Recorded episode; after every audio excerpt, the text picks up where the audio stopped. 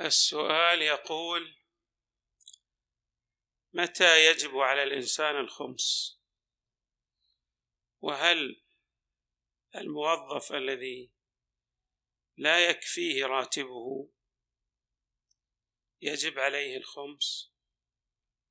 علما بأنه في أكثر الأشهر يضطر للاقتراض لتمشية أموره. بالتأكيد هذا الموظف الذي هكذا حاله لا يجب عليه الخمس. الخمس كما ورد في الكلمات الكثيرة المكررة التي يذكرها العلماء في فاضل المؤونة بمعنى أن الشخص لو ازداد الراتب فضل عن مؤونته. مبلغ يجب عليه الخمس في هذا الفاضل من المؤونة.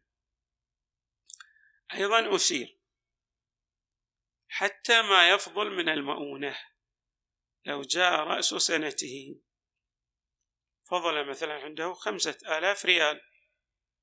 لكن هذه الخمسة آلاف بالكاد يعني تمشي أموره. بالكاد تكفيه لمصارفه إلى آخر الشهر. أيضا في هذه فيما يفضل من المؤونة في هذه الصورة ما يجب عليه الخمس لأنه لو خمس راح يقترض. بمعنى لا يعني لا يفضل في الحقيقة عن مؤونته شيء. هذا الفاضل لا يجب فيه الخمس لأنه فقط يوفيه أو يكفيه إلى الشهر الآتي الذي يأتي فيما بعد.